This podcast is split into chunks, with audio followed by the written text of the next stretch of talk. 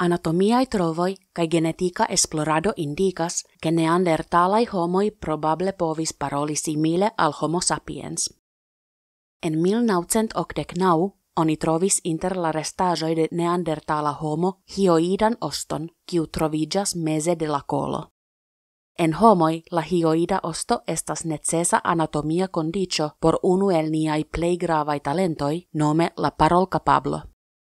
La bazo de lingvo estas la interagado de anatomio, mensai capabloi kai la existo de speciala geno. Tiu geno estas FOXPO2, conata kiel la parol geno. Ancau la neandertalai homoi posedis citiun genetikan sekcion, kiu respondetsas pri lingva disvolvigio en modernai homoi. Do, la cavernulai homoi de neandertalo estis tiel eloquentai kiel homo sapiens.